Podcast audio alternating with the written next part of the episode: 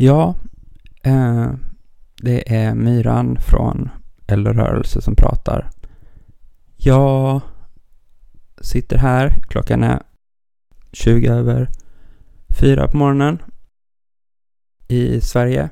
Den är 20 över 5 på morgonen i Ukraina, vilket innebär att det har varit ungefär en timme och 20 minuter sedan Ryssland inledde sin vidare invasion av de områden av Ukraina som då inte tillhör de här utbrytarrepubliken eller till Krim. Jag har suttit uppe på natten nu, jag har klippt podd och jag har sen så följt den här utvecklingen medan den sker.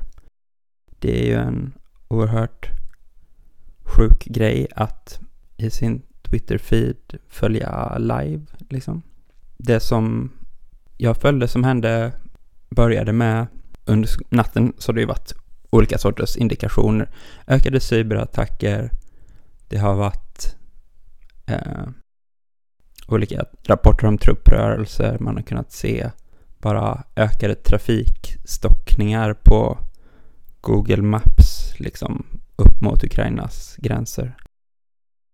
Innan det då vid fyra rapporterades att olika gränsposteringar vid Krim till exempel blev övertagna av ryska trupper. Sen har det under natten följt ett pågående ökat artilleribombarderi som ju har pågått en längre tid men även då andra missiler och det har kommit olika uttalanden. USA har gått ut och sagt att nu inleder Ryssland sin attack. Putin har själv gått ut i ett direkt tal och berättat att de ska invadera Ukraina med målet att demilitarisera landet. Och det låter ju som att man då har en ambition av att verkligen driva ett fullskaligt krig. Ja, så det är ju ganska sjukt eh, händelseutlopp att följa så här och eh, ja, man tänker ju på de offer som kommer skördas i det här, civila dödsoffer och så vidare.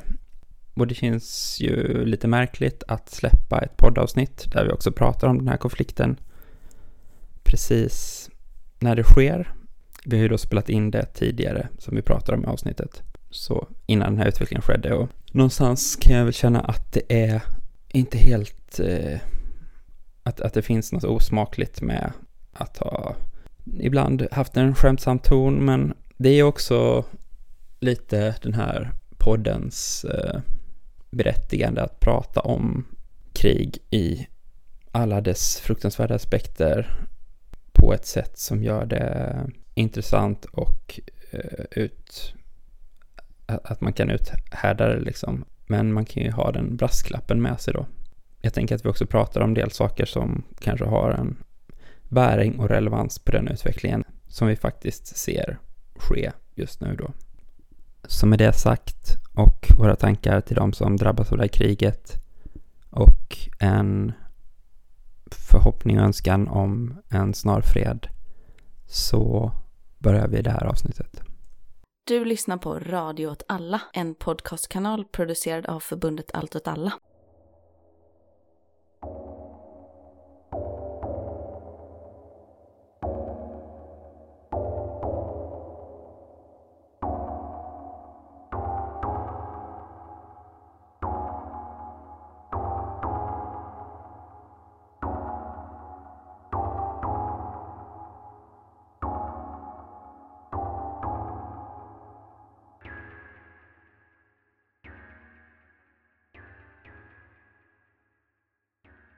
Hej och välkomna till Rörelse med mig, Martin Hansson. Och med mig, Miran Andersson. En podd. Som utgår från udda krig och perspektiv. Precis. Är det bra med dig? Det är bra med mig. Jag har sportlov. Mm. Jag sportar inte så mycket. Du är inte så sportig av dig. Nej. Nej. Hur är det med dig? Jag har sportat idag. Okej, vadå? Jag har lyft vikter. Jag lyssnade ju på senaste rekreation. Aha. Har du gjort det? När de uh, intervjuar Michael Hart. Eller, Just det är det. inte jätte, så jättemycket en intervju av honom, men att man får höra hans röst lite. De har klippt ut och gjort massa snygga fades och... Han är en väldigt uh, välproducerad... Uh, Högt produktionsvärde. Ja. Mm. ja, det har jag gjort. Mm, vad tyckte du? tyckte jag var kul. Teoritaken med kärlekens kraft liksom. Ja, nej, jag tyckte det var jättebra. Kul då att jag lyssnade på den på alla hjärtans dag när jag var på gymmet. Just det. Ja, och kände hur jag inte bara en högst medioker far, utan även livskamrat. Mm. Mm. Ja, det, Det är jag kan inte kommentera det vidare, det blir... Nej. Nej, Nej, du är så... du är en så öm älskare. Det vet jag. Eh, nej, men eh, jag funderade lite på saker när jag lyssnade på den. Jag tyckte det var spännande. Jag Mhm. tyckte det var ehm, intressant liksom att just tänka på kanske de vidare bitarna när de pratade om hur också grupper av människor och den dynamiken som uppstår i grupper av människor försätter liksom saker och spel när man liksom blir en massa typ på en enhet och så. Just det. Det är en jättespännande... Precis, och då kommer jag ju osökt att tänka på ett ämne som det händer att jag funderar på. Alltså typ hur väpnade grupper och krig, och hur kriget också består liksom en Mm. massa människor som har ett, ett Direkt egen... från alla hjärtans dag, du bara, japp, Ja, hur är det i krig? sen kom jag hem efter jag hade varit på gymmet och då frågar min, min partner mig då, "Du, Martin, vad händer i Ukraina egentligen? Det var den finaste alla hjärtans dag-presenten jag fått i hela Wow. mitt liv. Mm. Mm. Ja, vad fint. Jag blir rörd. Du, ja, man blir vackert verkligen. Ta mig åt Ja. ögat för att torka bort en tår. Ja.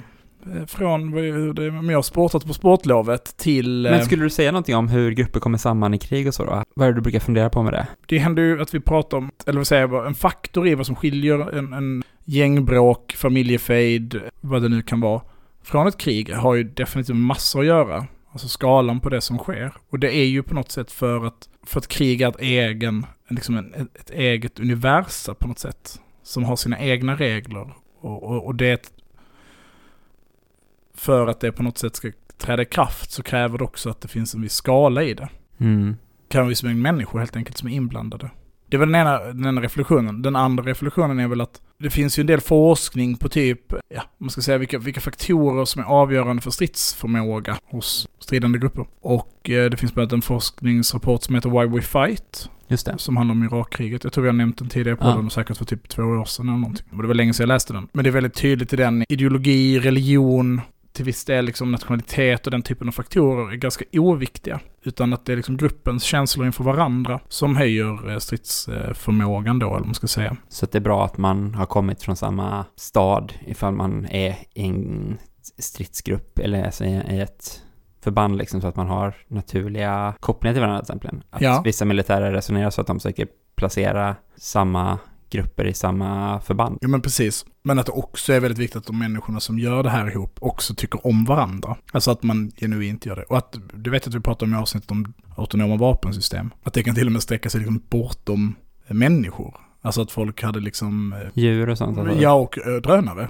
Just Att det. de liksom begravde någon jävla robothund eller vad det var de hade begravt till slut liksom. Och folk var genuint ledsna för att den hade liksom tillskrivit någon typ av affektion. Och det finns något genuint intressant i det, hur de här starka känslorna för varandra kan eh, få människor att offra sig eller genomlida fruktansvärda saker för att andra ska klara sig till exempel och, och så. Och precis som du är inne på då så finns det också vissa historiska kopplingar till det här. Ett exempel som när man brukar analysera eh, tyskarnas under andra världskriget eh, stridskapacitet, som ju ofta lyft fram som väldigt god jämfört med många andra, så är ju en av de faktorerna man tar upp är att de just drar sina regementen ur platser, alltså ur mm, delstater och kommuner och så. Att de är liksom uppbyggda med att man någonstans ska känna varandra, eller inte nödvändigtvis känna varandra, men ha samma kulturella referenser och prata samma dialekt och så. Är det här en myt eller någonting med att det finns någon typ, alltså nu pratar vi antik tid eller så, men liksom någon sorts grupp som är uppbyggd av par, liksom homosexuella par?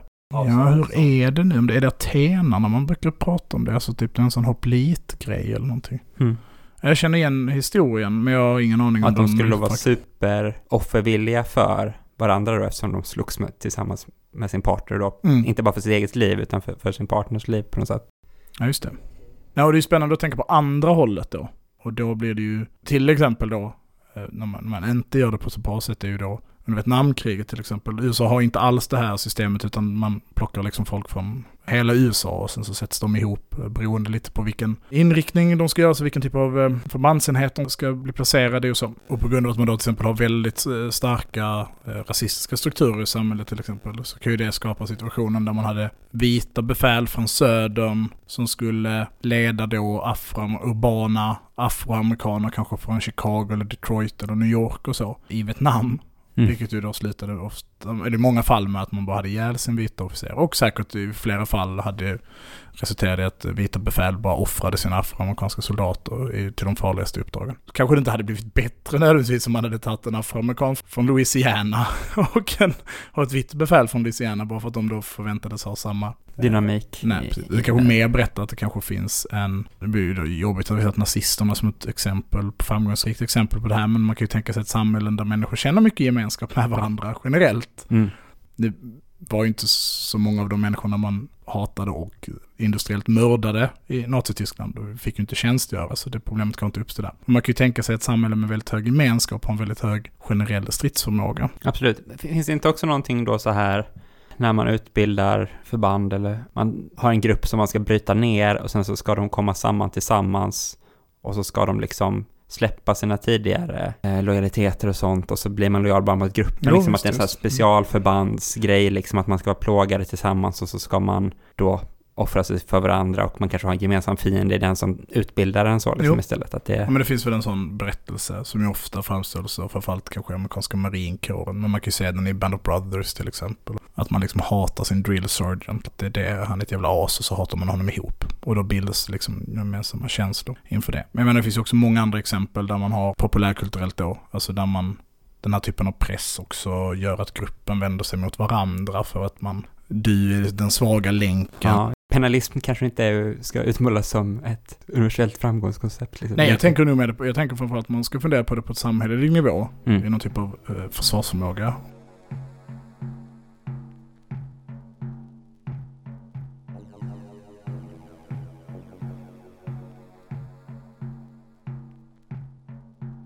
Vi spelar in, eh, det är tisdagen den 22 mm. idag. Det innebär att det här avsnittet släpps om två dagar.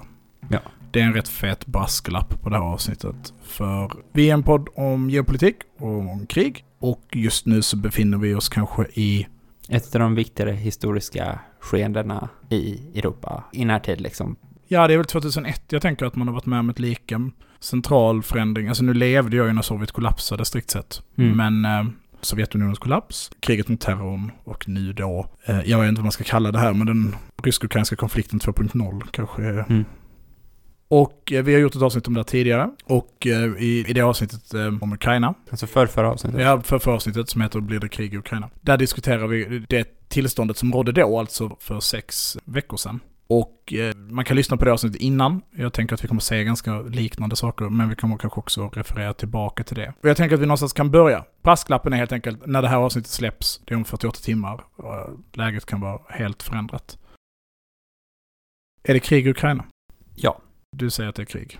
Do your case. Nej men mitt case är väl bara så här, Ukrainas gränser är de internationellt erkända gränserna. Det var ju inbördeskrig innan mellan de här utbrytarrepublikerna eller vad man nu ska kalla dem för. Även ifall de var backade av Ryssland så var det ju inte formellt Ryssland. Det som har hänt nu är att Putin har uttalat att de erkänner dem som självständiga stater då. Och sen så har de fört in sin egen trupp i de områdena. Så då har man ju invaderat landet.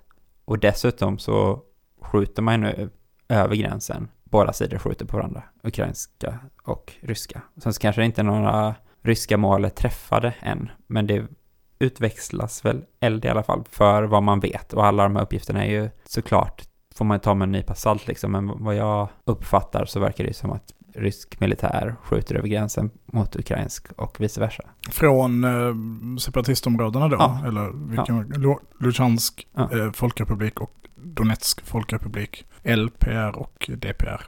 Ja. Jag kan referera till dem på det sättet. Eller bara separatistområdena. Eh, ja, Putin höll en presskonferens igår. Det, det var måndag.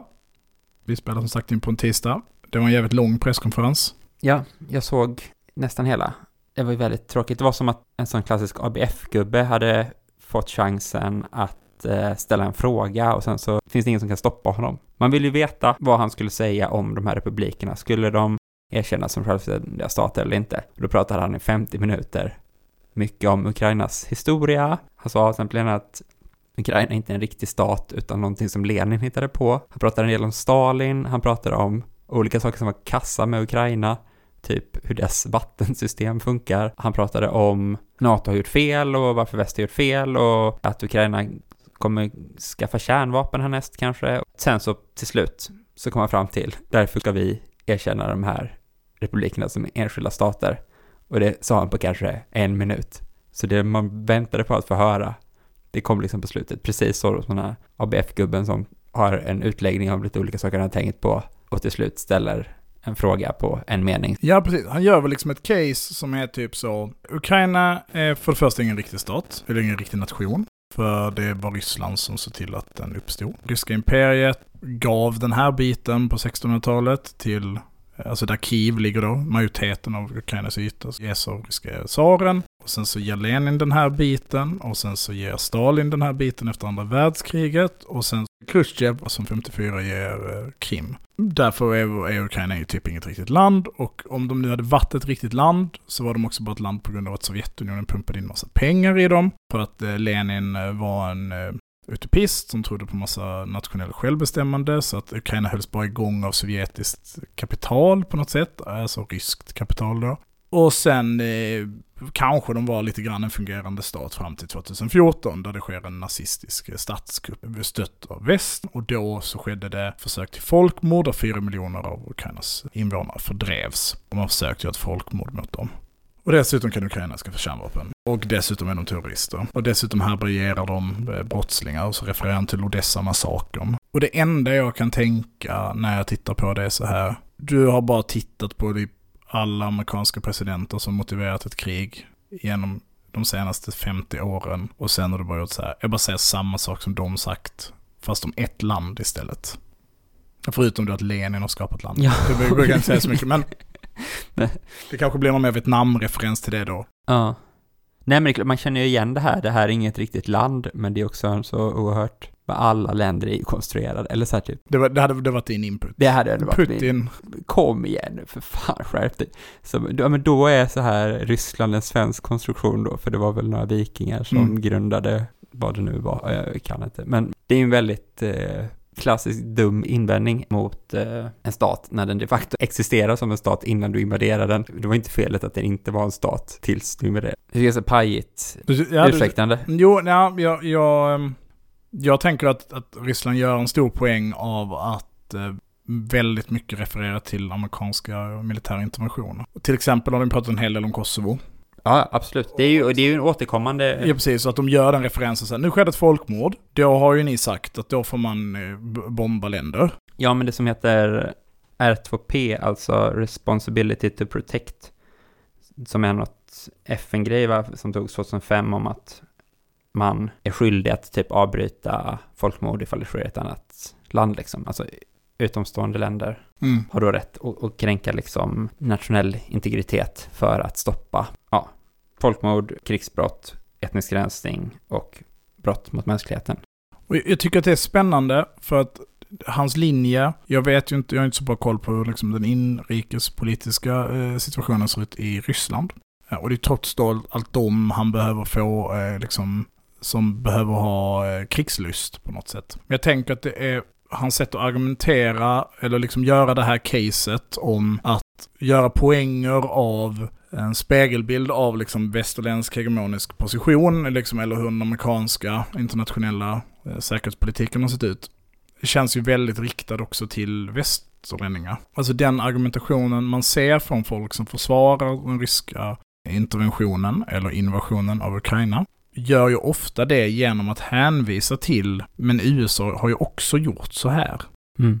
Och att USA skulle inte gå med på det här och därför så har Ryssland också rätt att göra så. Mm. Du tänker att det är hans publik liksom? På något sätt? Nej, Nej, men jag tänker att det är möjligt att det finns liksom två kommunikationsriktningar. Mm. En som är inrikespolitisk liksom, och en som är riktad då till en västerländsk publik. Ja, ett alternativ är ju också att det inte är så himla genomtänkt, liksom, utan att det finns ett visst mått av resentiment hos Putin i liksom det här. Ni har hela tiden lurat oss också det här då om NATO-utvidgningen och hur de fick löften som har brutits efteråt liksom. Mm. Att, Och den här vingen till Clinton, mm, vilket ju var spännande. Att han refererar till att när Clinton är på besök i Moskva, tror jag det var i alla fall, Mm. så ska Putin ha yttrat ett intresse av att, att Ryssland ska ansöka om NATO-medlemskap. just det.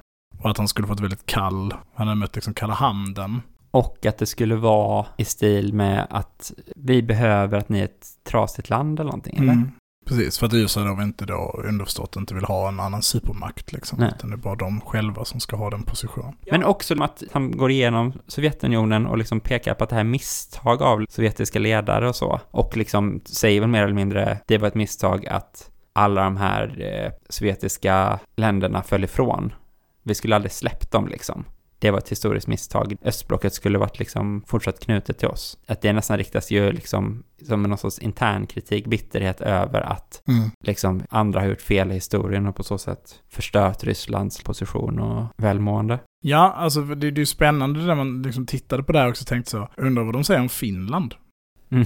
Som ju är ännu mer än Ukraina. Historiskt sett. Historiskt sett liksom. Att så här, hela berättelsen om att det var Lenin som ger eh, Finland sin självständighet och, Ja. och sen är visst, Finland ingår ju aldrig i Warszawapakten och så. Men det här liksom, vi hade en del av vårt imperium och sen släppte vi det och då blev de fiender till oss istället liksom. Då andra världskriget. Ja. Ja, nej jag vet inte, nej, jag, jag tittade på det så tänkte jag bara så, lite kanske det du säger där med recitament, men också lite att det känns som att det här inte har varit en del av den stora planen. Att det inte var så bra förberett. För det var inte så bra tal. Alltså även ifall du säger så här, det här kanske är, man vill spela på de här sakerna i väst och så. Visst, men det hade man kunnat kanske göra på ett snyggare Ja, upplagt ja, jag tyckte sätt. det var, det var kass. Kortare än 50 Det var ett minuters. ABF-gubbe-rant liksom. Ja. Det var ett dåligt tal. Ehm, inte dåligt för att innehållet, att, inte endast på grund av innehållet, utan det var liksom också dåligt tal, bara så här, det var inte bra eh, genomfört. Liksom. Och jag tänker att det är så att det vi ser hända nu är eh, reaktioner på drag och motdrag. Mm.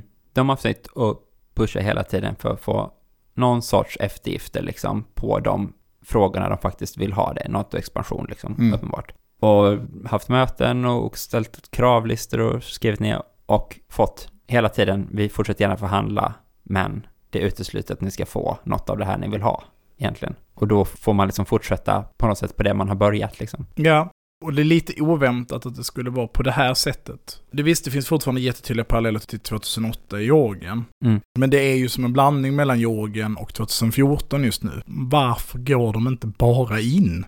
Mm. Vad är det de tror ska hända nu ur ett rent förhandlingsperspektiv? Det känns som att de har skapat liksom, och det här är ju alltid svårt, för man vet ju aldrig. Det ska ju sägas rent liksom informationskrigsmässigt så är det ju, det duggar ju tätt nu med så här olika terrorattentat in i Luchansk och i Donetsk och det är olika inrapporterade beskjutningar av olika saker och man har liksom ingen aning att verifiera vad som är vad.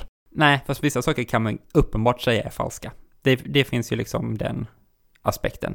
Men det som är sant vet de aldrig ifall det är sant på något sätt. Liksom. Nej, precis. Men den här liksom, som det framstår för en just nu, så framstår det som att rysk nära intressen producerar absurda mängder rätt att förklara krig.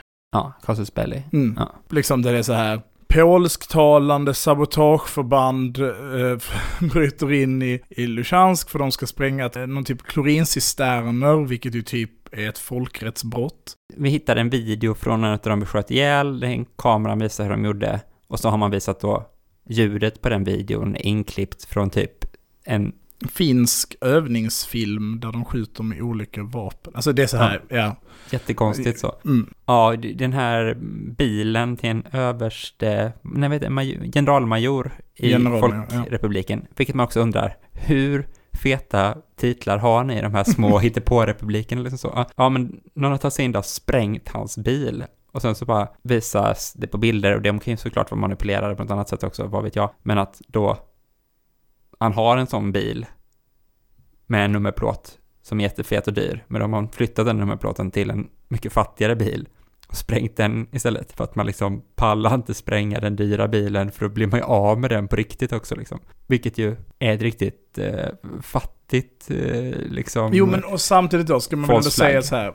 Och sen vet vi inget av det här. Nej, men vi, vet ju att ljudet på den här videon Det kommer från vi. den finska videon. Så Absolut. där kan man säga, den här bilen såklart, nej då kan det ju någon som har klippt de här bevisbilderna istället. Så där är det väl lite mer tveksamt, men det finns väl mycket som talar för att många av de där andra också är fejkade. Just till exempel att det finns, att det finns en som är fejkad tyder ju på att det finns en annan som är fejkad också. Liksom det, det är någon som uppenbart inte drar sig för att göra false flag propaganda här liksom.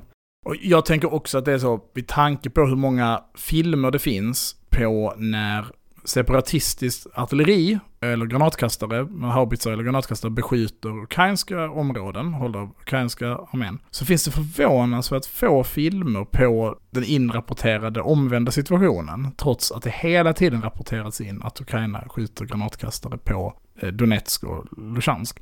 Och, jag är helt övertygad om att de gör det, att de skjuter tillbaka. Också för att de inte förnekar det väl? Ja, de för har inte gått ut och sagt vi skjuter ingenting, så då så skjuter de ju antagligen. Ja, det är ju för konstigt. att det- ingår ju också i det här Minskfördraget och Minskprotokollen. Vi kan prata om dem några minuter på hålla oss vid dem. För att det som har hänt nu är ju att de är ju döda. Alltså de, de eldupphörs eh, förhandlingarna och egentligen fredsavtalen de egentligen är mellan separatisterna. Minskfördraget skrivs 2014. Det skrivs i eh, Minsk. Hens finns ju två, Minsk 1 Ja, det Minsk finns 2, precis. Minsk 2 är väl 2015, är det inte det? Ja, precis. Mm. Eh, Det skrivs 2014, eh, i juni tror jag. Och den säger i jätteenkla typ så, vi ska sluta kriga, vi ska skapa en buffertzon, vi ska dra tillbaka tunga vapensystem, se så här många kilometer ifrån varandra längs line of contact då liksom. Det ska ske någon typ av omröstning. Om man läser Minskprotokollen så är det lite så här, det ska ske någon typ av omröstning innan, in i Luhansk och Donetsk. Omröstningarna ska på något sätt skapa ordning. Det är typ det målet är.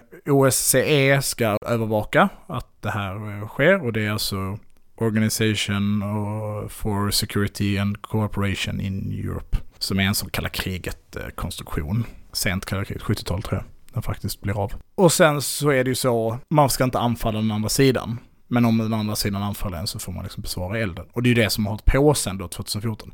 Typ direkt efter att min första Minskprotokollet skrevs under så bryter väl andra striden om eh, det Donetsk eh, flygplats ut som bara är så full fight i Ja. liksom flera dagar. Mm. Och sen är man så, okej, men det här håller ju inte. Så får man skriva en, en tvåa då helt enkelt, man gör en uppföljare. Och så säger alla, vi sköt bara tillbaka för de sköt förut. Och sen så, Och sen har det varit så nu. Så Mm. det har varit incidenter från både från den där Joint Operation Force, eller vad den heter, som är Ukrainas eh, gränsskyddsstyrka liksom, och har eh, rapporterat in att det liksom, ja men det har skett eh, tio överträdelser per dag liksom. Och så har de besvarat den. Så det känns ju som att det har varit en sån ping, artilleripingpong liksom nu i, ja, i åtta år mm. i princip. ganska få har dött ändå. Liksom. Alltså ifall man jämför med innan Minskprotokollen. Ja, det har inte varit, det har inte varit regelrätta strider Nej. på det sättet, utan det har varit liksom så att trakasseriebeskjutning av varandra. Mm. Och sen nu i med det här, dels har man ju börjat skjuta då de här tunga vapnen igen och jättemycket mer. Mm. Så nu är det ju liksom, Jag såg någon bild, det såg ut liksom att det i princip var beskjutning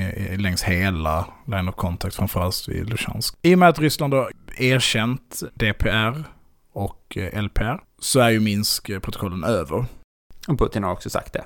Ja, ordagrant. Han har också sagt att de inte är över. För det är också som att de säger allt. Mm. Och, och där kan man ju komma ner till liksom någon sån riktigt spännande bitarna som ju pågår just nu. Och det, när det här släpps så finns det säkert ett mer tydligt svar på det. Och det är ju att när man erkänner DPR och LPR så blir ju frågan vad man erkänner. Ja. Och om man då erkänner det nuvarande eh, området som en republik eller om man erkänner deras konstitution. Och det området deras konstitution säger att de är. Och Luhansk och eh, Donetsk menar ju att de är hela oblasten. Alltså den region som fanns i Ukraina förut, som var så här, Luhansk är en huvudstad som ligger i mitten och så är det ett omgivande region som typ Region Skåne eller Mm. någonting. Fast det heter samma sak som sin huvudstad bara. Och då säger man, hela det här området är nu en egen republik. Fast vi kontrollerar bara militärt halva, eller lite mindre än halva liksom. Mm. Sen så är det väl mest landsbygd det som man inte kontrollerar. För man har ju de här stora städerna, alltså Donetsk och, Luhansk. som ju är alltså en halv miljon, en miljon människor Mm. stora, så det är stora städer också. Liksom. Och ifall man då har erkänt det som de själva har sagt, hur stora republikerna är, då måste man ju tänka att man kanske försöker ta hela det här området då. Och då måste man ju erövra mer mark från Ukraina, helt enkelt. Men sen så blir det väl igen så här, man funderar på, är det här ett förhandlingsutspel? Så då, att man gör så här för att få leverage i eventuella förhandlingar. Jag tycker kanske det verkar som att man är mindre och mindre intresserad av just förhandling. Ja men Lavrov sa väl Eh, han sa, vi kan förhandla med dem, men det kommer inte leda till någonting, det kommer bli samma resultat i alla fall. Det var när de hade det här mötet.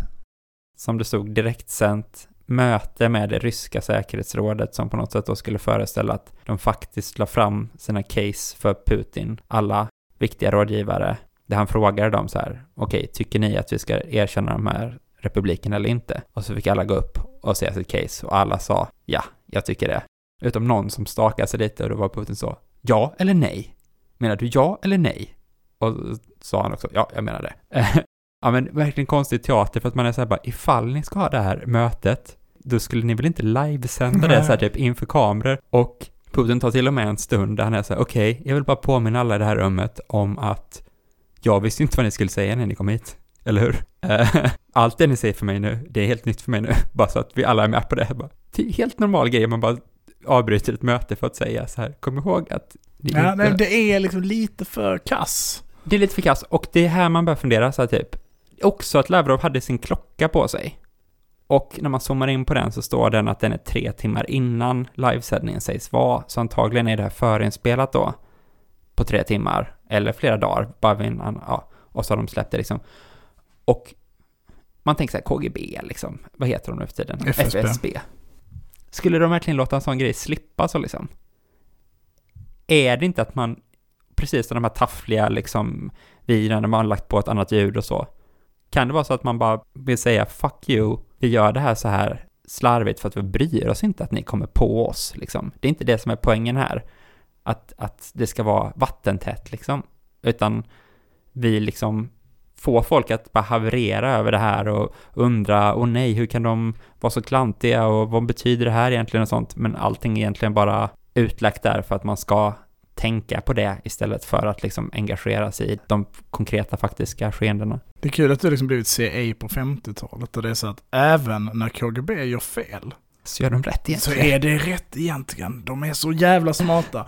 Jag, jag tänker att det kan finnas eh, flera olika förklaringar till att det är så här. Det gäller bland annat den här Donetsk och Luhansk mobilisering och evakueringsfilmerna, alltså när de, när de säger nu ska vi ta ut, vi ska tömma kontaktområdena från civilister. Mm. Och så visade det sig att de var så tre dagar gamla de här filmerna, för det fanns i metadatan som de av någon outgrundlig jävla anledning inte hade sett till att rensa Mm, undrar mm, vilken anledning kan det vara? Mm, FSB är så smarta. De är så fruktansvärt jävla smarta att de vill framställa sig som idioter. Så vi tror att de är ännu smartare för att vi förstår att det bara är dubbeltänk. Mm.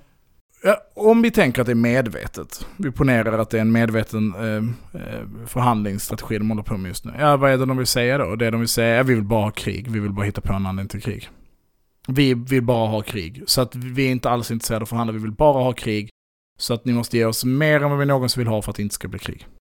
Ja, eller... Alltså att någon syn, så här, om man vill syna bluffen. Mm. Så är det ju, det de gör just nu är ju tvärtom. Du, du har ditt 4D mm, man märker att du tappat mig liksom. Aldrig hade fått anställning. aldrig fått anställning. Jag ska dra caset lite långsammare. Om man hotar någon med krig, mm. utan att direkt säga, vi tänker invadera er nu, om inte ni gör som vi vill. Mm. Då är det ju smart att göra massa saker som framstår som att allt är planerat för krig. Visst. För att på så sätt tvinga sin fiende att vara så här, shit, de vill verkligen, verkligen ha krig. Nu när vi förhandlar så förhandlar vi om krig. De bluffar inte. Nej. För titta här, de bara hittar på en massa jävla svepskäl för att det ska framstå som att de vill förhandla, men de vill egentligen bara ha krig. Ja. Absolut. Det är möjligt. En annan teori är att allt det här görs väldigt, väldigt snabbt. Ja. Att planerna förändras hela tiden. Jag är ganska trött på att man både vill framställa Kina och Ryssland som några sådana jävla genier när det kommer till allt. Försvarstwitter är ju helt galna på det här att allt Ryssland gör har en djup, djup, djup baktanke som är typ helt omöjlig att eh, förstå. Vi kan ta debatten om Maskerovka till exempel. Alltså föreställningen om att rysk krigsföring är en gammal grej. Pratar mycket om det kopplat till andra världskriget. Alltså Ryssland har varit duktiga på kamouflage och, och liksom falska drag för att på så sätt liksom lura fienden. Slaget vid Kursk är väl en sån, tror jag det är. Där de lurar tyskarna att flytta liksom alla sina styrkor norrut när de ska anfalla söderut och så. Alltså på en strategisk nivå. Alltså de flyttar 400 000 soldater liksom, med tåg i flera Mm. veckor för att de tror att ryssarna ska anfalla. Och då, äh, det vi, skulle, vi skulle inte anfalla där, vi anfaller här istället. För att en jätteuppenbar sak är ju att deras OPSEC, liksom operationella säkerhet, har ju varit katastrof under hela den här operationen. Det är så här, varför kan man bara filma allting ryssarna gör? Varför vet man var en, varenda pansardivision, varenda, mekani- varenda brigad är? Samtidigt som att nu kanske vi är på en nivå i världen där det finns så mycket kameror och mobilkameror överallt att man kan liksom inte. Nej, precis. Så kan det ju vara, att det så, skalan är så stor så att det går inte att dölja. Och då blir kan man mer- bara ge upp liksom. Ja, eller så dö- döljer man det man verkligen, verkligen vill dölja. Visst. Och det kan man också dölja genom att flöda allt med information. Ja. Det är möjligt liksom, att det bara är en stor plan. För det här är så försvarsstridigt, det är bara en stor plan. Det kan också vara att eh, de eh, är rätt dåliga på uppsök. Mm. Det är också bara fullt Visst. möjligt att det bara inte, det har inte funkat. Nej, absolut. Det sket Precis sig, liksom. som Putins tal. Vad menar han egentligen? Vad är det för signaler han vill skicka till väst? Men det är skrivet på 40 minuter. Ja. Det är så här. Fan har vi haft ett nytt samtal med Biden, det blev ingenting, vi får inte den här skiten, vad fan gör vi? Vi erkänner Donetsk och Luhansk. Vi bara kör nu, vi kollar, vi, vi pressar dem med det. Nytt förhandlingsområde. Vi vill egentligen inte ha det här kriget, eller det vill vi, alltså vi kan acceptera kriget, men vi vill ju undvika det in i det sista. Men alltså jag vet att jag satt och läste något jävla krav, så här, det är ju också svårt. Jag fick för mig att källan var TASS, alltså ryska statens public service liksom, eller där de gör uttalande. Där det var så här, de hade ställt tre krav på Ukraina. Fyra krav är det väl? Ja. Var det, var det fyra krav? Jag fick för mig att det var eh, erkänn Krim som ryskt, lova att ni inte går med i NATO, eller skriv avtal om att ni inte går med i NATO, och avmilitarisera Ukraina. Var så här, är ja, Ukraina. men vad fan, det kommer de ju inte gå med på. Nej. Nej, det kommer ju inte hända. Va- varför skulle de gå med på det, Ryssland? Så att vi sen bara kan rulla in utan Nej, men motstånd de kommer, de alls. kommer för fan inte avmilitarisera sig. Om vi får inte gå med i NATO och vi ska inte ha någon armé, då är Ryssland nöjda. För, men om det är så att Ukraina inte går med i NATO, eller då Ja. inte någon annan försvarsallians, då borde väl Ryssland vara nöjda. För då kommer inte Ukraina hota dem militärt. Förhandla om Donbass var Ja. ytterligare ett krav då. Men det kommer inte Ukraina gå med på. Nej, nej. De kommer inte gå med på kravet att de ska avmilitarisera sig, erkänna, erkänna Krim och väga NATO-medlemskap. Det kommer inte hända. Varför ställer man det kravet? Nej, alltså Jag tycker att det är väldigt uppenbart att Ryssland på något sätt förbereder sig för en militär konfrontation med Ukraina och den kanske redan har börjat i någon mening. Den har inte börjat i liksom det konventionella krigets eh, ramar på det sättet att det är eh, strid på brigadnivå utan det är ju betydligt mer eh, stillastående än så, med någon Mm. konstig första världskrigets situation där man skjuter liksom artilleri på varandra. Eh, och i dem har inte använt några ballistiska robotar eller kryssningsrobotar och det verkar inte heller ske några drönaranfall utan alla drönare verkar användas till att spana med. Nej, men de har allting förberett precis som de hade. Mm. Kanske inte, det, det kanske blir mer och mer förberett hela tiden, men det är ju, står ju jättemycket trupper längs Ukrainas gränser i Vitryssland och i Ryssland. Ja, och nu också då ryska trupper inne i Donbass liksom. Mm.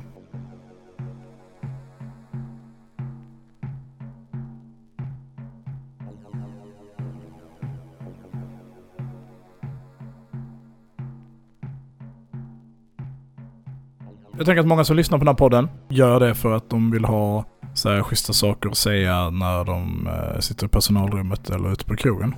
Så att de lyssnar liksom för att ha så här riktigt smarta takes på grejer. Bumbibjörnarna är egentligen en imperialistisk... Mm. Jag tänker att vi inte riktigt kan ge dem det i det här avsnittet angående liksom krig, kriget i Ukraina.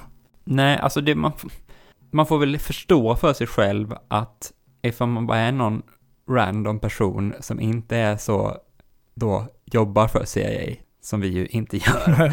wink wink. Så tydliga Men det jobbar vi inte för Gazprom? Ja, just jo, det, just det, det. ja. Eh, Eller både och.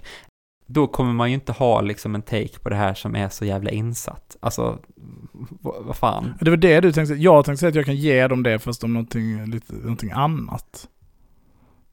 Så nu får vi ta bort det här du, du har sagt. för jag, jag tänker då att när det kommer till så här långsiktiga planer, vad vill Ryssland på sikt? Då får man ju bara erkänna att man vet inte det. Men det man kan göra, tänker jag, är att se liksom, vad kan man konkret se faktiskt händer? Och det kan man säga någonting om. Precis som man då kan säga så här, nu har de erkänt de här republikerna, då kommer de flytta in trupp där.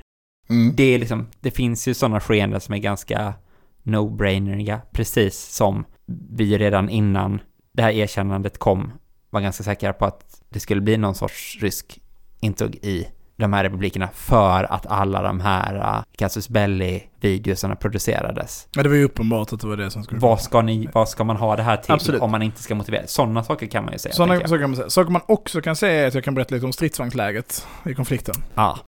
Ehm, och jag bara säger det för att det finns en spännande dimension av det här, för de som är intresserade av stridsvagnar. Förra avsnittet med Ukraina ville du prata om riktad sprängverkan. Då gjorde vi det ganska länge. Mm. Jag ska inte prata så länge om det här. Jag har fått viss kritik för det. Vi har fått viss kritik för riktad sprängverkan. Det var ditt fel. Ja, det var mitt fel. Och det är ju så att om det blir ett storskaligt krig, gud förbjude, mellan Ryssland och Ukraina, så kommer det uppstå en spännande grej.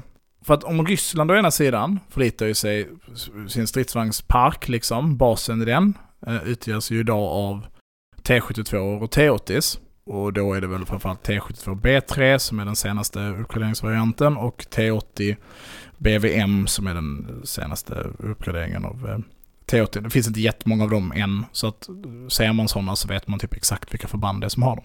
Men Ukraina har sin tur. Vad är det de har? Samma sak. De har fan ta mig T64. Okej. Och det borde man veta om man lyssnade på typ vårt första frågeavsnitt, att det var med i min topp tre-lista av stridsvagnar. Okej. T64 är en lite märklig stridsvagn, för den bryter rätt mycket mot sovjetisk eh, stridsvagnsdoktrin. För det är så här att de har andra stridsvagnar än T64 också, men de har, de har ett gäng T64 som dessutom är uppgraderade. För att det är så att historien till T64 eh, är att den byggdes och utvecklades parallellt med stridsvagnen som heter T62. T62 i sin tur var liksom en efterföljare av T55. Och T62 och T55 de, de levde liksom också parallellt på något sätt i, i ryska eh, Warszawapakten i sin helhet. Nu, nu blir det fel om man säger ryska här, för det blir snarare sovjetiska. Eh, Jag kommer Mm. komma till det. Men...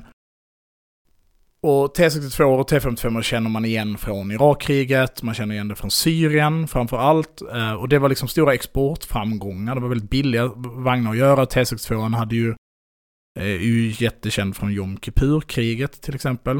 Eh, var den första som hade en Vem hade den då? Syrien. Ja. Ehm, en smoothbore-pipa.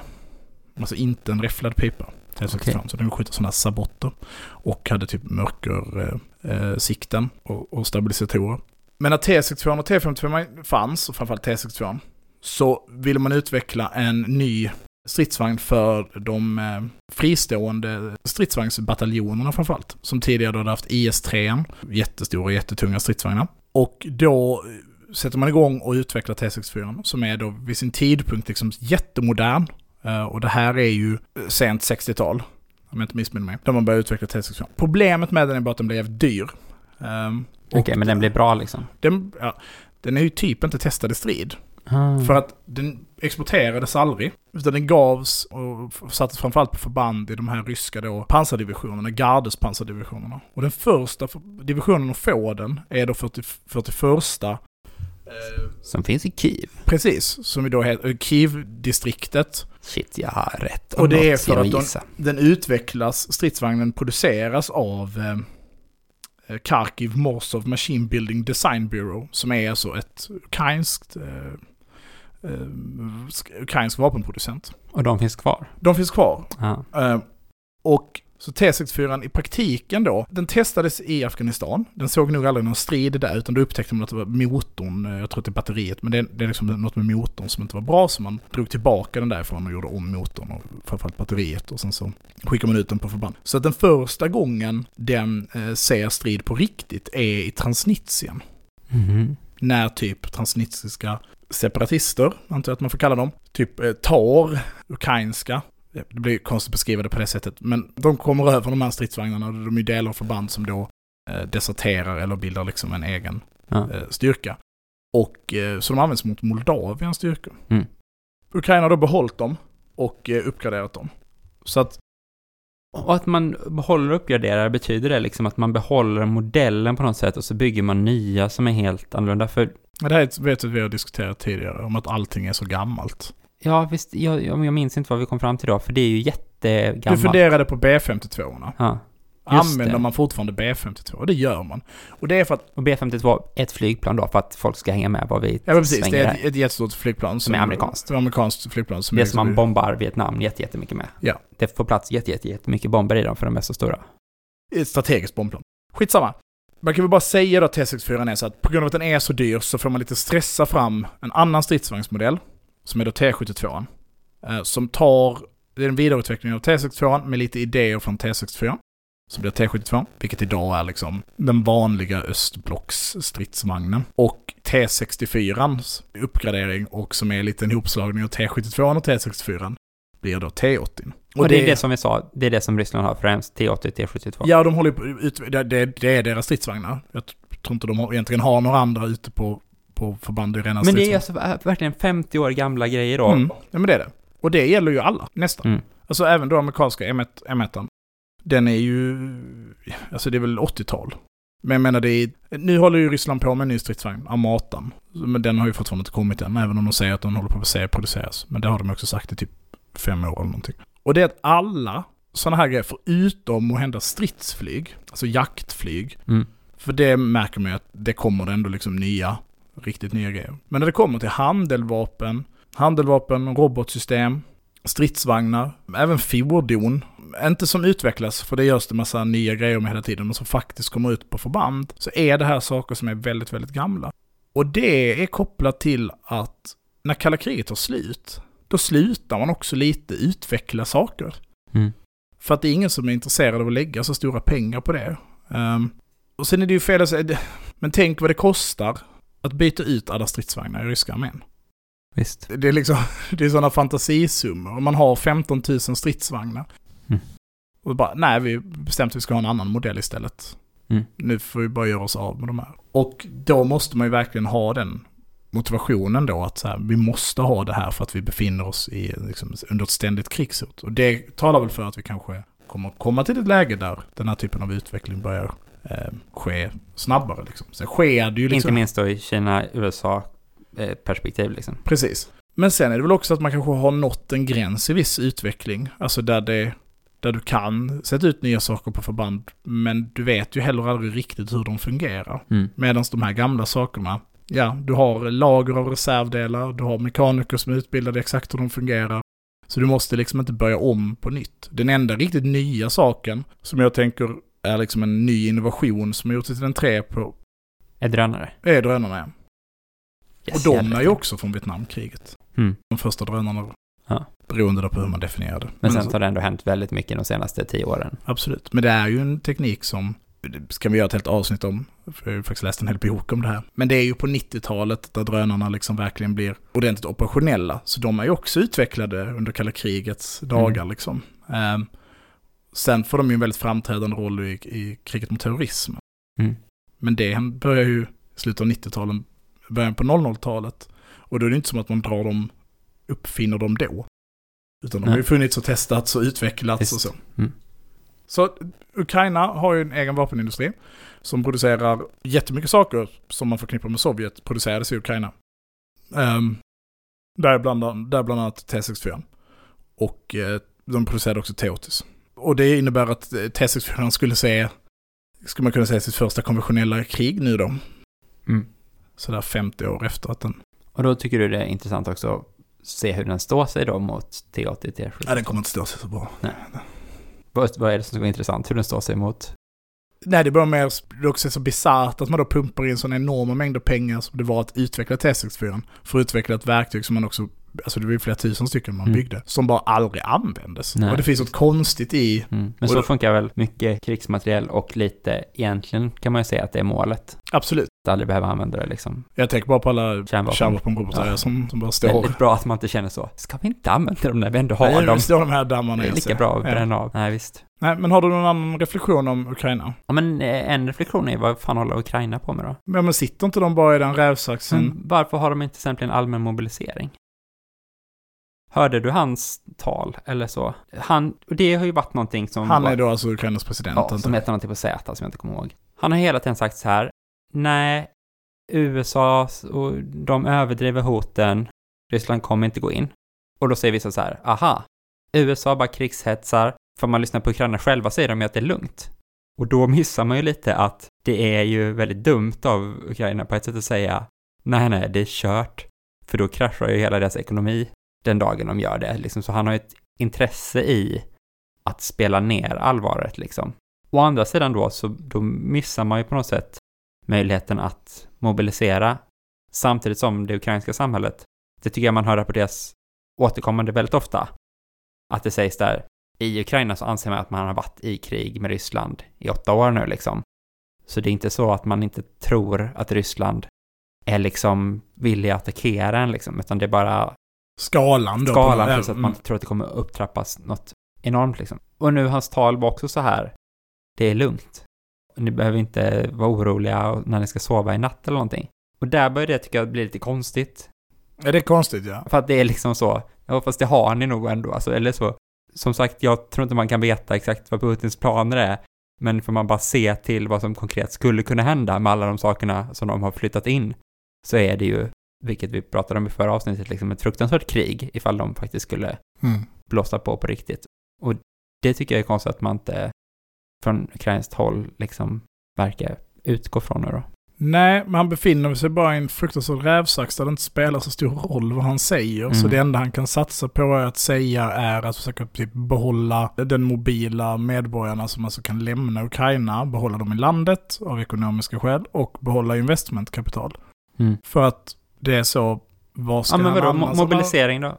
Alltså, och det sabbar ju ekonomin såklart, då slutar ju Mm. folk jobba och gå in i armén istället så. Men det, det hade inte heller hjälpt liksom. Nej men då är jag antar att hans grej är så, men om det blir ett riktigt krig och det är dessutom, vi kan inte ge Ryssland en riktig anledning att börja kriget. För när vi börjar mobilisera, då ska ju Ryssland smälla. Mm. Alltså sekunden de får höra så, det kommer komma en mobiliseringsorder från Ukraina nu, det är de ska anfalla. För Ifall vem? de har det överhuvudtaget på kartan att anfalla. För då, Ja, för att då, då är det ju bättre att göra det innan de har hunnit mobilisera. Ja. så att det kan ju också vara ett försök att inte råka provocera fram anfallet, att tidigare lägga det och på något sätt liksom tänka att tiden är på deras sida. Att liksom ju längre tiden går, ju bättre kommer läget bli. Drar det här ut på det så blir det mindre och mindre attraktivt att... eh, Ja, vi kommer få mer stöd från de här länderna och det kommer liksom, vi kan, frågan kan aktualiseras mer och vi får också tid att förhandla. Även om det inte är vi som förhandlar, utan att det är andra människor som förhandlar åt oss. Liksom. Mm. Men det blir ju konstigt. För att han, han säger, men liksom ganska likt Putin liksom. ja, Att han säger båda saker. ja. Att han är så, det internationella eh, samfundet måste sätta åt Ryssland för att de gör det här, för att de liksom hetsar mot oss och sen samtidigt är det så, det är ingen fara, det kommer inte bli något krig. Mm. Det är märkligt. Men jag vet inte fan vad någon annan ska säga. Så Nej. jag menar det, Jag hade inte velat ha hans jobb, nej. ja, det är svårt att vara president. Det var ju kul när han skulle åka till München på det här mötet och USA sa att ni borde inte lämna Ukraina. Nej. För ni kanske inte kan åka tillbaka till Ukraina då. Och nu har de ju sagt, du borde inte bo i Kiev, du borde flytta till Lviv. Mm. Lviv. Lv- Lviv. Jag vet inte hur man säger. Nej.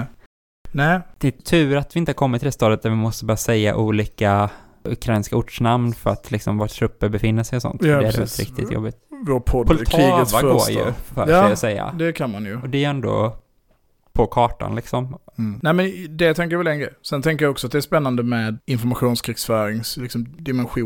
För det är ju väldigt uppenbart att väst har lagt an en linje för att på något sätt försöka föregå den ryska sättet att hantera informationskrig. Och det är ju roligt då för att man har sina anti-imp-följare liksom, som bara...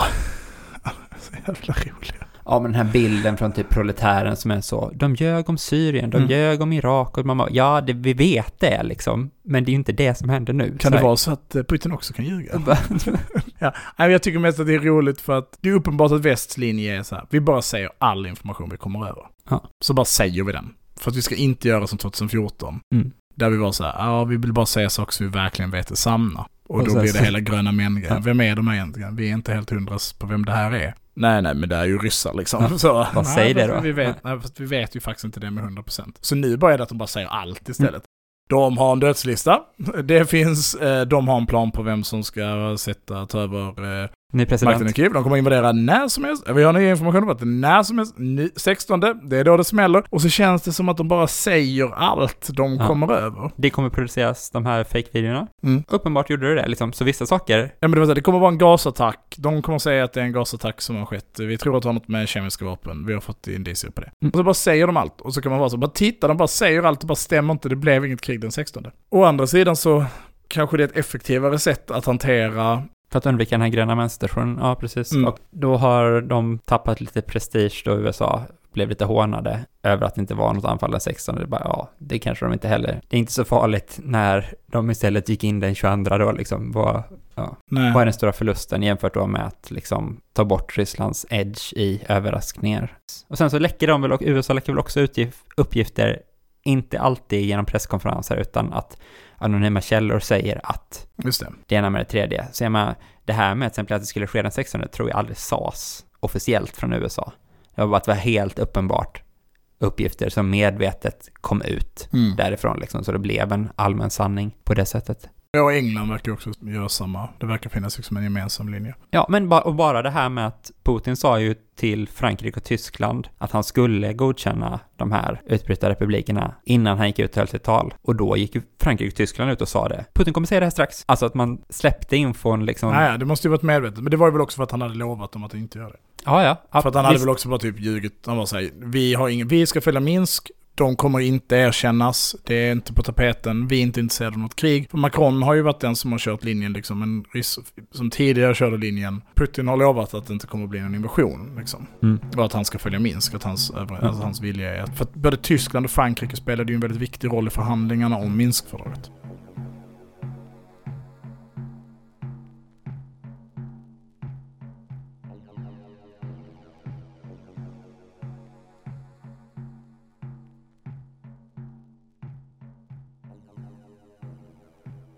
Jag tycker det är en sak med det här är då såklart att i Sverige finns det en debatt som är så här, vi borde gå med i NATO nu Mm. för att Vad tycker vi, du om det? vi ska solidarisera oss med Ukraina och så. Jag tycker självklart inte man ska gå med i NATO. Varför inte eftersom NATO är förbrytargäng som ju begår krigsbrott och vadå, där USA är den viktigaste armén och Turkiet är den näst viktigaste armén. Det är ju två riktiga rövstater. Men du tycker inte vi ska förbinda oss till att skicka trupp för att skydda Turkiet vid eh, Nej, när de blir hotade? det. Nej, Nej. tycker inte det. Nej. Mm, nej. Nej. Det var som att Okej, det är någon sorts FSB. att det, är någon, att det är någon sorts eh, retorisk fälla du har byggt upp för att jag bara ska säga det som självklart, då ska du få det framstå som att jag inte menar det då. Men samtidigt då så har ju Magdalena Andersson gjort ett utspel nu för några dagar sedan, där hon säger ifall det kommer jättemånga flyktingar från Ukraina, då ska Sverige inte ta emot mer än, vi ska ta emot färre än alla andra. För vi har tagit emot fler flyktingar vid andra tillfällen. Det är ju väldigt konstigt att spela upp det som att vi måste verkligen solidarisera oss med Ukraina, så vår viktigaste fråga är att gå med i NATO, inte så här, säg emot Magdalena Andersson om det här med att vi inte ska ta emot några ukrainska flyktingar. Mm. Jag tycker det visar att det ekar ganska tomt, att det är av en väldigt stor omsorg av människorna i Ukraina man vill att Sverige ska gå med i NATO. För då hade man väl sagt, vi måste verkligen ta emot de här flyktingarna också. Just det. Och kanske beefa upp Ukraina. Ja, ja. Det är Militärt, klart, man, man, man måste inte vara med i NATO för att stödja Ukraina militärt, Nej, nej. ifall det är det man vill göra. Överhuvudtaget så finns det väl massa krigsmateriel man hade kunnat skicka till Ukraina utan de här tyska hjälmarna som Det, skickades. det är ganska liksom. roligt med de här tyska hjälmarna. En, alltså en av grejerna Ukraina ber om är hjälmar. Jaha, okej. Så att det är också så skitkonstig spin på det. Att det var så här, vi vill ha de här, här är en lång lista på olika grejer Ja. vi vill ha. Och så var Tyskland så här, ja, ni vill, de vill ha typ 60 000 hjälmar. Och så bara, men här har ni 5 000 hjälmar. Ger ni oss hjälmar? ja, ni, det stod på er önskelista att ni vill ha hjälmar. Okej, vi skickade ja. ju. Det, det här hittade jag av en ren slump liksom. Men, eh, De har väl också bett om massa andra jo, jo, men saker att det är som ändå de inte har så. fått då. Det är väl lite som att man önskar sig en lång lista och så längst ner skriver man till och Hjälmar också är schysst och någon bara, de önskade sig Hjälmar. Mm. Du vet, man är 11 år, man önskar sig Lego, man kanske önskar sig ett dataspel och så längst ner skriver man också ner, ja men schysst nya strumpor vill jag ha. Och så får man bara nya Men strumpor. de skriver ju inte det på listan. Det kanske var det som var misstaget. Men det var Gjorde misstag. Det var kanske Ukrainas största misstag det. Att hade de inte gjort det så hade de fått taktiska kärnvapen Ja, av. Tyskland. Om det bara hade stått taktiska kärnvapen på listan så hade de fått det. Nej, det, det är ju såklart eh, skitmärkligt att också föregå den situationen. Att redan nu börja prata om alla de ukrainska flyktingarna. Alltså det finns ju också den här märkliga defatismen runt hela konflikten. Ja. Som är att alla bara är så, de kommer att sopa på Ukraina så jävla hårt. Och det kommer de. Eh, jag kan också med för att ingen vill hjälpa dem då. Liksom. Nej men också bara för att asymmetrin i konflikten liksom. Men det finns ju andra saker med det som, man tänker till exempel att Ryssland skulle vara liksom hundra gånger större land än vad Ukraina är. Alltså jag tror att Ukraina har 45 miljoner invånare. Mm. Ryssland har 150. Mm. Alltså det är klart att det är tre gånger så stor population liksom. Men det är inte någon hundra gånger i skillnad liksom. Ehm, nu vinns ju inte krig, sorry Mao Zedong. Eh, endast av mängd människor man kan sätta på spelplanen liksom. Eh, utan det finns andra avgörande faktorer i det. Men å andra sidan så är ett försvarskrig ett försvarskrig. Och eh, man brukar ju säga att man behöver vara tre gånger så många om man ska anfalla. Men, ha, men Ukraina har ju inte en tredjedel så stor militär som Ryssland trots Nej. att de är... Nej, för de har ju inte ekonomin att sätta upp det. Och de har ju också varit drabbade av ett inbördeskrig nu i, i Mm. åtta år. Nej, men det, det är väl klart att det är vidrigt att redan nu börja prata om en jävla flyktingkvoter från Ukraina. Och blir det ett krig så är det ju förödande för alla människor som är inblandade i det. Och eh, världen borde definitivt ta sitt ansvar i att, eh, att eh, lösa det så bra som möjligt för de människorna som tvingas fly.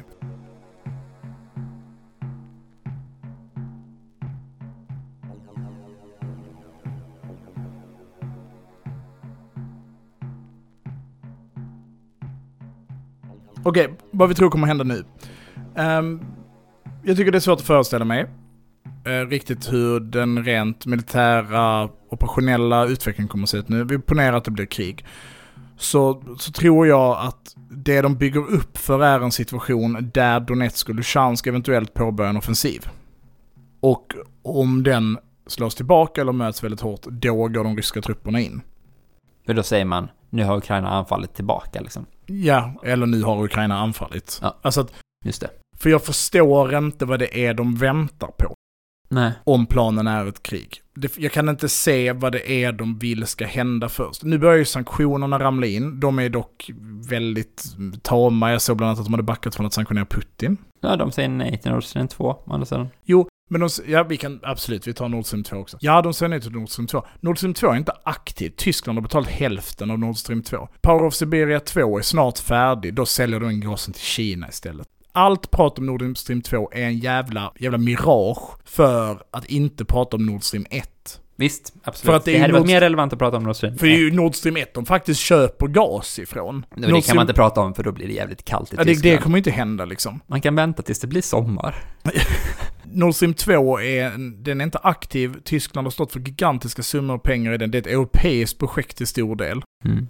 Eh, Att den inte går, går igång, ja det är klart att det inte är bra för Ryssland. Men det är fan inte bra för Tyskland heller. Mm. Frågan är vem det kommer drabbas, hår, drabba, drabbas hårdast. Eh, De sanktionerna som är på tal nu är framförallt riktat till handel och avtal med separatist, med LPR och DPR. Absolut. För, men det är väl också lite logiskt. Det är det som har hänt. Det är det Ryssland har gjort nu. Man vill väl kunna brassa på Ja. med de riktiga sanktionerna ifall de faktiskt startar Ja, så det det riktiga ju. kriget. Så Liksom. är det ju. Att- Ifall man hade blåst dem nu så finns det ju ingenting som Som hindrar... ett negativt incitament Nej. för Ryssland att faktiskt köra liksom. Okej, jag tänker bara så här. Ifall man nu inte hade velat gå in i Ukraina utanför, alltså gå, gå vidare in i Ukraina från Donetsk-republikerna, varför säger man då det här med att vi erkänner dem i sin helhet, de gamla gränserna liksom? Men de säger ju också typ inte det. Lavrov har ju också varit ute och dementerat det. Okej, ja. Så det är ju, det där vet vi inte än. Det, kan, det vet vi definitivt när Mm. det här avsnittet är släppt. Men, men i nuläget så är det som att man, det går, det känns som att de säger båda saker.